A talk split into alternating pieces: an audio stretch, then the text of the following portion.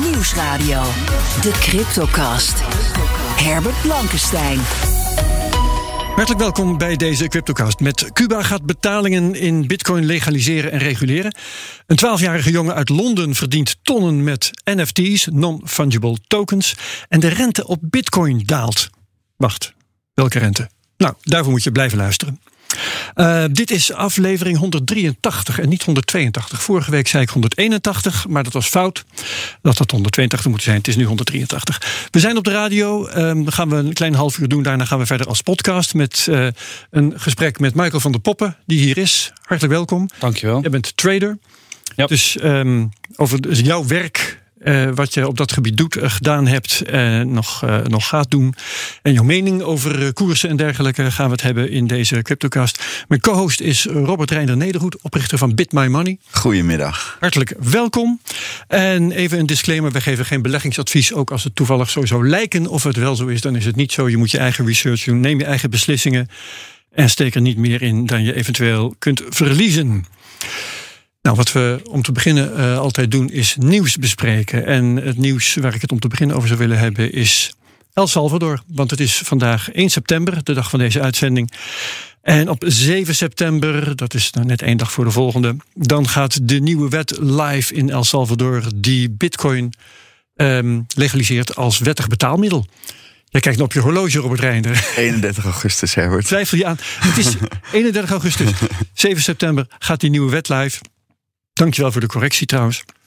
En uh, die uh, uh, ingang van Bitcoin als wettig betaalmiddel gaat gepaard met ATM's, 200 ATM's, ja. geldautomaten, Bitcoin geldautomaten dus, hè, die daar in het land worden geïnstalleerd. Beetje weinig trouwens.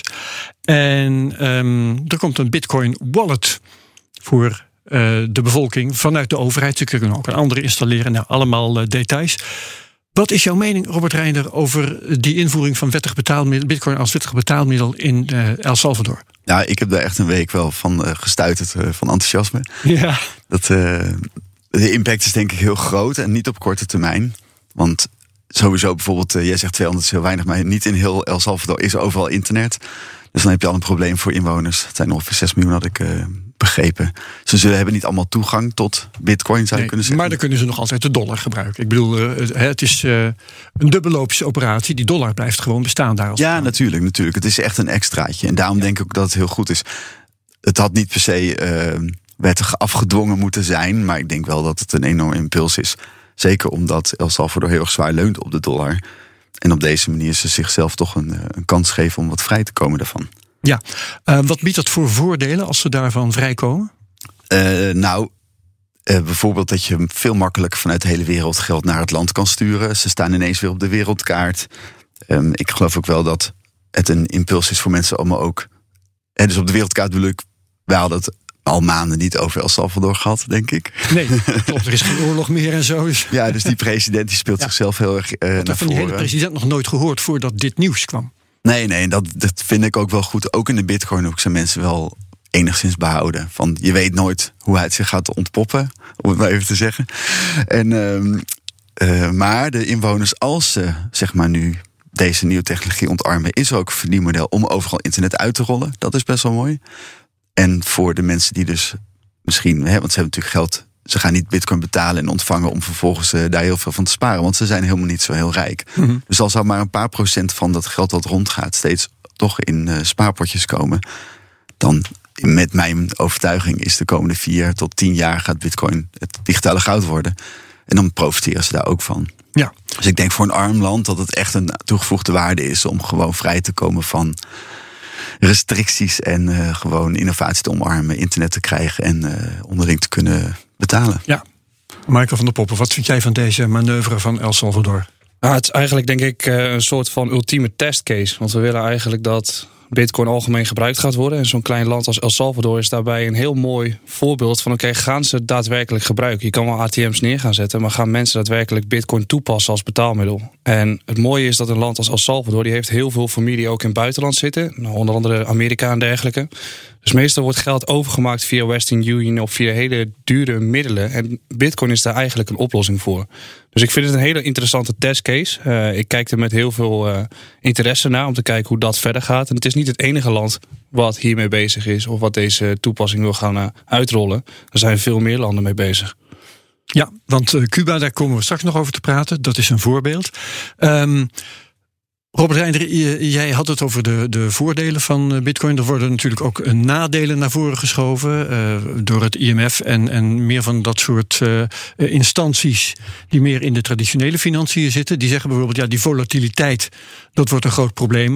Mensen zitten straks met Bitcoin en als die dan in elkaar dondert, dan zijn ze nog armer dan ze al waren. Ja, en dat vind ik ook aan het hele plan heel goed. Dus die president, ik ik ben net zo onder de indruk van hoe doortastend het is gedaan. Want ze hebben ook gezegd: het is niet de bedoeling dat je het aan gaat houden. Het is de bedoeling dat wij als staat ook helpen met liquidity. Hè, dus dat de, de, de wisselkoersen worden. Uh, stabiel gehouden. Althans, dat kunnen je kan, ze toch niet? Ze kunnen nou ja, de koers van bitcoin vastleggen. Nou, je kan in ieder geval zorgen dat de tijd tussen een transactie en het terugwisselen naar, in dit geval de dollar voor de winkelier, dat dat zo kort mogelijk is. En daar hebben ze ook voor gefaciliteerd. Dus in, in die zin, en het IMF wordt natuurlijk nerveus, want die zien, ja, dit is een land waar wij nu nog he, miljardenleningen aan uh, verstrekken. En uh, als, daar, als wij daar geen grip op houden, dan gaat misschien dat geld verloren. Maar eigenlijk, als je gaat kijken wat het beoogde doel is, is gewoon wat Michael net zei: dat uh, remittances goedkoper kunnen en vloeibaarder. Hè, dus dat makkelijker geld terugvloeit. dat is ongeveer 6 miljard per jaar en dat is 25% van de GDP, hè, de bruto nationaal product, precies. Um, dat zal dan waarschijnlijk iets gaan stijgen. Maar verder is het gewoon een betaalmiddel intern. Dus het is niet zo dat iedereen ineens dat, het, dat El Salvador enorme risico's neemt. En de investering is ook niet zo heel groot. Want 200 machines voor een land om, om te investeren. En waarschijnlijk hebben die bedrijven dat gewoon voor. Nou, en 30 dollar voor iedereen die die overheidswallet downloadt. Dat is ietsje ja, ja. Wat daar natuurlijk van veel meer waarde is dan. Ja. Goed, laten we hierover ophouden. We gaan dit vanaf 7 september, dat is dus vandaag over een week inderdaad. Um, gaan we dit op de voet volgen. En dat zullen we waarschijnlijk wel uh, een aantal keren nog doen. Um, volgende bericht. Een twaalfjarige jongen uit Londen die heeft tonnen opgestreken door NFT's te maken en te verkopen. Non-fungible tokens. Uh, een manier om aan digitale objecten een soort identiteit en een waarmerk uh, te koppelen. Dat is iets wat jouw speciale interesse heeft, hè Michael?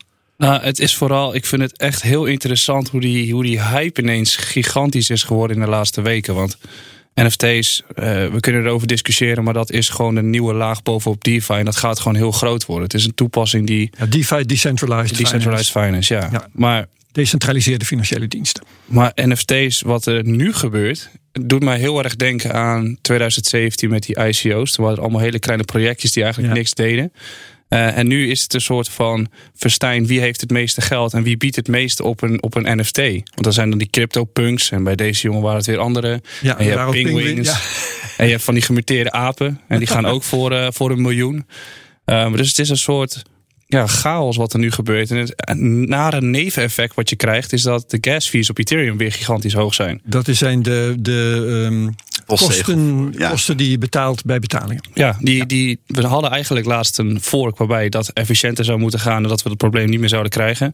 Maar door het creëren van telkens nieuwe NFT's zitten die gas fees weer super hoog.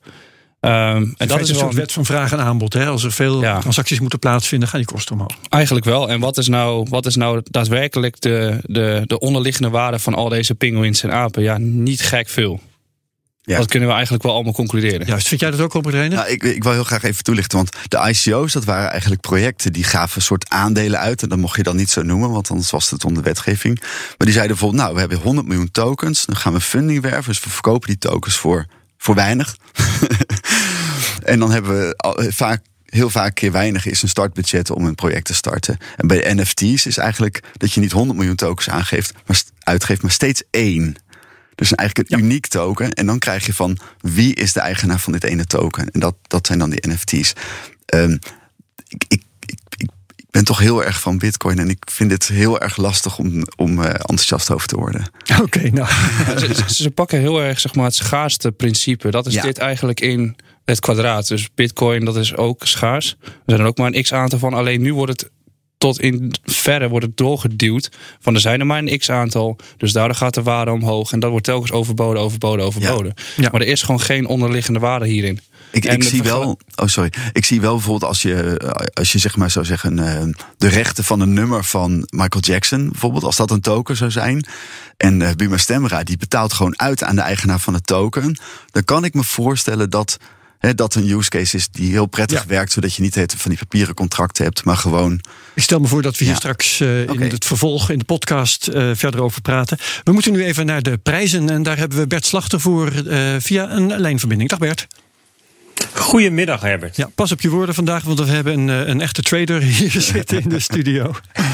Ehm, maar de, de prijsontwikkelingen van de afgelopen week. eh, het valt me op dat eh, Bitcoin eh, een beetje gevangen zit, ergens dicht onder de 50.000. En de afgelopen nacht was hij weer een stuk gezakt.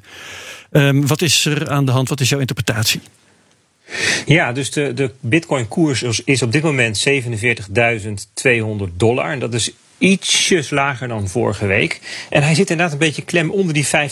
En er gaat, um, uh, zo, zoals het er naar uitziet, wel uh, veranderingen in komen binnenkort. We zien dat um, uh, de volatiliteit wat afneemt, dus de, de schommelingen van de koersen. En dat gaat vaak vooraf aan een wat grotere beweging. En ik heb even teruggekeken naar 16 februari en omstreken. Dat was namelijk de allereerste keer dat die koers op 50.000 dollar stond. Oh ja. ja. En eens even gekeken naar het verschil met toen.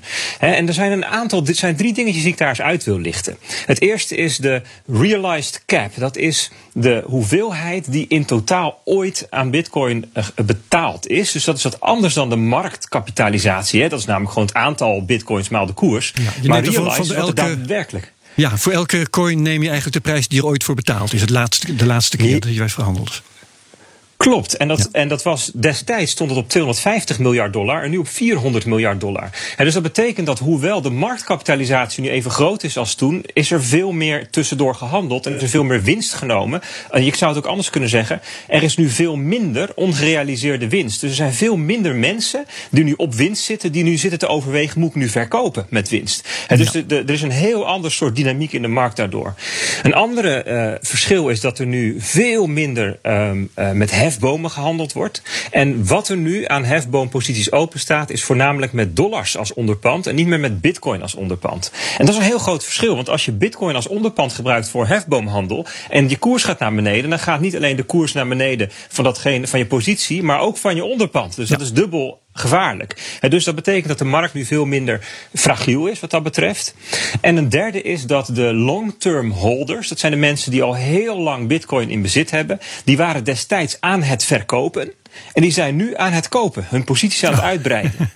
en je zou die long-term holders zou je kunnen zien als ervaren bitcoiners. Mensen die al heel ja. lang erin zitten. En die verkopen doorgaans aan het eind van een periode van stijging. En ze kopen doorgaans voorafgaand aan een periode van stijging. Dus dat is grappig. De, de koers is hetzelfde als half februari. Maar de structuur van de markt is heel anders. Ja, begrijp ik. Uh, Michael van der Poppen, ben je het eens met deze analyse? Nee, ik ben het, ik ben het met Bert eens. Uh, je, je ziet het in de on-chain analysis. Dus dat is echt op de data van de blockchain zelf. En daar kun je al dit soort informatie uithalen. En daar zie je al sinds die klap omlaag in mei... dat de long-term holders, dus waar Bert het over heeft... Um, heel erg aan het accumuleren zijn. En degenen die aan het verkopen zijn, zijn degenen die dus uh, al in de hype tussen februari en mei hebben gekocht. Die hebben verkocht en die komen nu weer op het moment van ja, moet ik nu wel weer terug gaan kopen. Dus de hele marktstructuur is veranderd. Waarbij de langere spelers inderdaad heel veel hebben aangeschaft als het ware. Ja, ja. Uh, Bert, um, ik herinner me dat ik uh, van de week nog thuis zei... nou, die bitcoin zit al zo lang tegen die 50.000 aantikken... die gaat vast naar beneden. Dat heeft hij nu inderdaad een stukje gedaan. Um, gaat hij nou nog verder omlaag, korte termijn? Of wat denk jij? Nou, mijn glazen bol is, uh, staat in de kast, dus daar heb ik nu niet zoveel aan. Maar nee, kijk, de, de marktstructuur die, die, die, die lijkt erop dat er eerder uh, naar boven gaan dan naar onder. Hè? Want um, de koers gaat weliswaar zijwaarts, maar onder water zien we dat er steeds nieuwe gebruikers bij komen. Steeds nieuwe wallets worden geopend op exchanges. Dat elke dip heel snel weer opgekocht wordt. Dus ja, de, de, de, zeg maar van alle scenario's is het meest waarschijnlijk dat we ergens in de komende twee, drie weken uh, die 50 of 51.000 dollar wel gaan doorbreken. En als je dan kijkt on-chain naar waar er gehandeld is, um, wat prijzen zijn waar handelaars interesse in hadden, dan, dan kom je dan eigenlijk in een nieuwe ehm, eh, een nieuw stuk terecht van de markt. Hè, tussen, de, tussen de 51 en de, en de, en de, de oude all-time high. Mhm. Eh, dus dat zou ook wel echt een belangrijk eh, eh, keerpunt weer kunnen zijn. Oké, we gaan dat afwachten. Dankjewel voor je inzichten, Bert Slachter. En hier in de studio gaan wij verder met nieuwsberichten. En we hadden het net over El Salvador. Ik noemde al Cuba. Want Cuba gaat ook betalingen in bitcoins legaliseren en reguleren. Het is nog net niet, Robert Reinder, dat ze het invoeren als wettig betaalmiddel. Hè? Die term ben ik in de berichten hierover niet tegengekomen. Nee, dat klopt. Het is uh, een stuk gematigder wat dat betreft. Maar het is wel zo dat Cuba weer heel gevoelig ligt. Omdat het nog steeds ja, de sancties van Amerika zijn nog, hè, die onder Trump zijn ingevoerd, zijn nog steeds van, van invloed. Ja, het is een beetje een spiegelbeeld wat dat betreft van El Salvador. Hè. Dat is een economie die Ja. drijft op de dollar. Ja. En eh, Cuba doet het juist niet. Nee, klopt. En eh, wat ook eh, bijzonder is, is dat. ik heb even wat, wat, wat op, lopen opzoeken. Maar in 1994 was er een munt ingevoerd naast de Cubaanse peso, namelijk de convertible peso. Dus was de Voor toeristen. Voor toeristen, ja. En elke dollar die het land inkwam, gaf de centrale bank dan zo'n CUC uit. Die was duurder dan de eh eigenlijke Cubaanse peso. Ja, en je kon er overal mee betalen. Was ook wel handig. Ja. Maar dus sinds 1 januari dit jaar is die dus afgeschaft. En dat eh, heeft eigenlijk de Cubanen weer heel veel geld gekost. Dus ergens begin december kwam er gewoon het bericht over twee weken... is die munt niet meer geldig. En toen moest iedereen hem gaan wisselen voor de pesos... eh, tegen niet al te gunstige wisselkoers bij de centrale bank, zeg maar. Bij de. Dus daar zijn allemaal opstanden geweest. En daarom is het Ehm, ik denk voor Cuba heel prettig, voor de Cubanen heel prettig dat er nu een mogelijkheid komt om dus legaal Bitcoin te bezitten.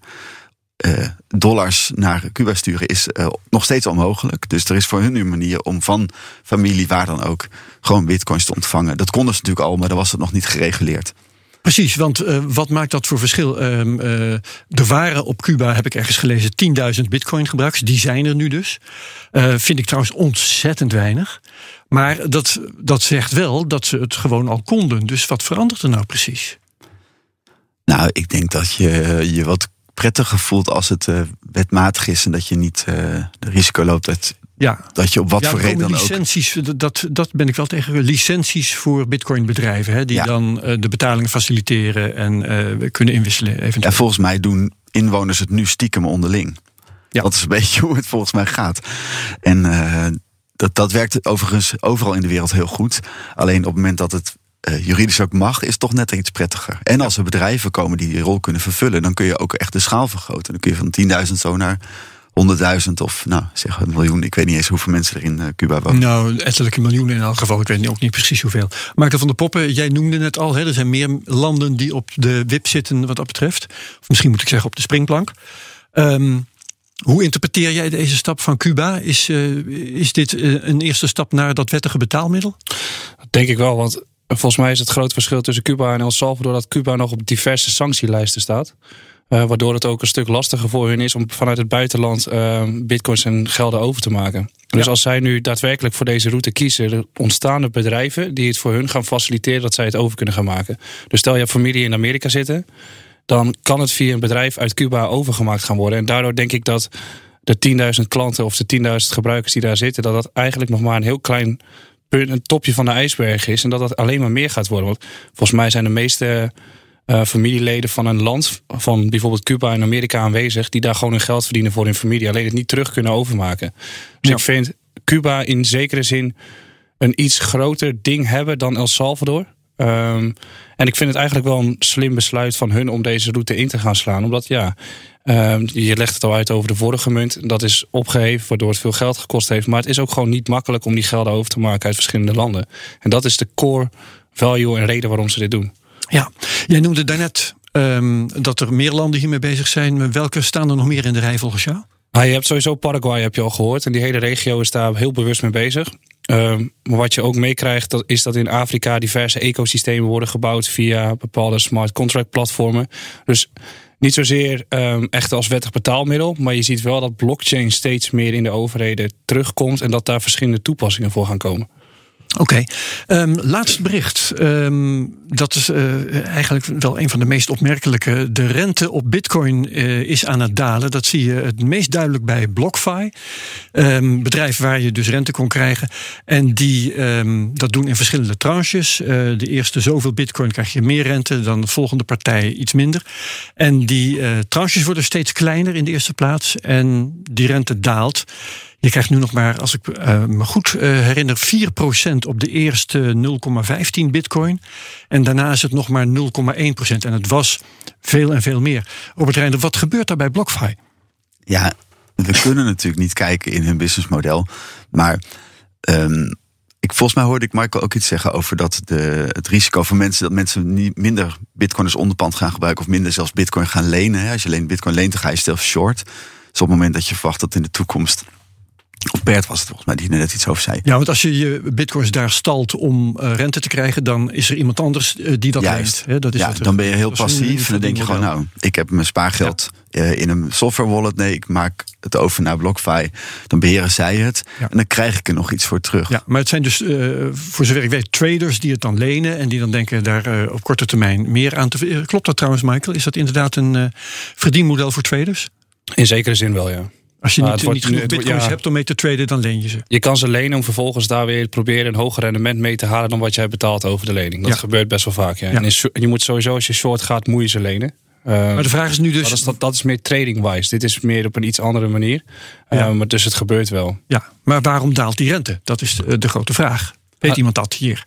Ja, ik heb een theorie, maar dat is dat, dat uh, uh, zij heel snel zijn gegroeid. En heel veel te goede nodig hadden van klanten. En als jij zegt van nou zet maar 5 bitcoin. Want was tot 5 bitcoin kreeg je best een aardige rente. Mm -hmm. Zet er maar 5 bitcoin neer. En dan moet je daar rente over betalen als bedrijf. Ik geloof dat het aanvankelijk zelfs 6% was op de eerste 5 bitcoins. En nu gaan ze dus naar uh, 4% op de eerste 0,15. Nou ja, waanzinnig verschil. Reken maar uit als je ja. dus 300.000 dollar daar neerzet ongeveer. En dan moeten zij 6% over betalen elk jaar. Dan, dan nemen zij een gok dat zij dus dat kunnen uitlenen voor meer dan 6%. Ja, dus jij denkt ze hebben gewoon te veel geld binnengekregen en moeten nu uh, de prijs van het geld verlagen om ervoor te zorgen dat het aanbod. Gewoon wet van vraag en aanbod. Ik denk het wel, ja. Ik denk dat, ja. uh, dat ze daar een probleem hebben. Ja. Niet genoeg nou. mensen die willen lenen.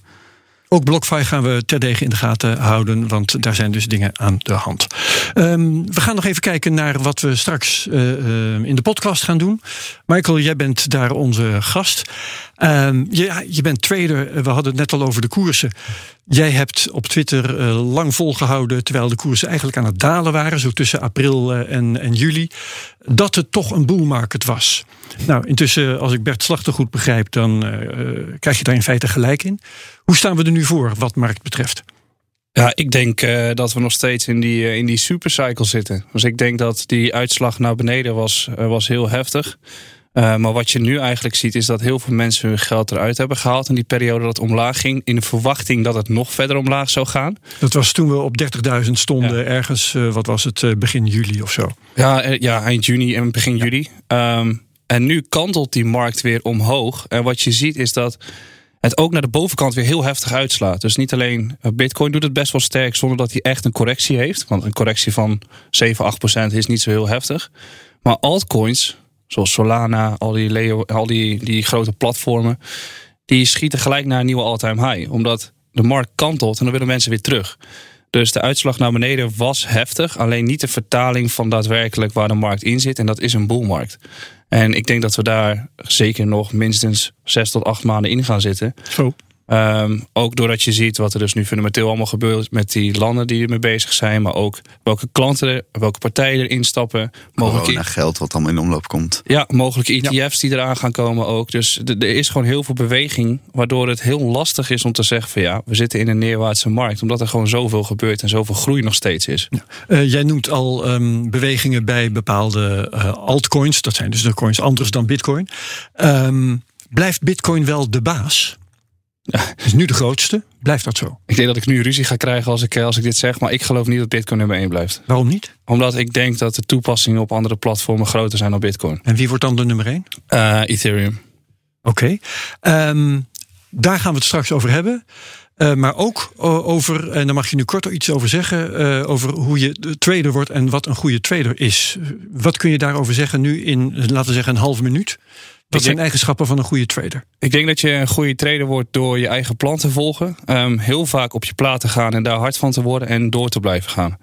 Dus ik heb ook ik heb hele grote fouten gemaakt, veel geld verloren. En het enige wat je kan doen is doorgaan, want anders word je niet beter. Oké, okay. Van der Poppen, uh, dankjewel voor je bijdrage aan deze CryptoCast. We spreken in de podcast verder. Uh, Robert Render Nederhoed, mijn co-host, idem dito. Bedankt en tot straks in de podcast. En ook de luisteraars uh, bedankt. En wie zin heeft kan doorgaan in de podcast van de CryptoCast. Um, anytime op de bekende platforms bnr.nl, Spotify en dergelijke. Wat de CryptoCast betreft, hartelijk dank en tot de volgende keer.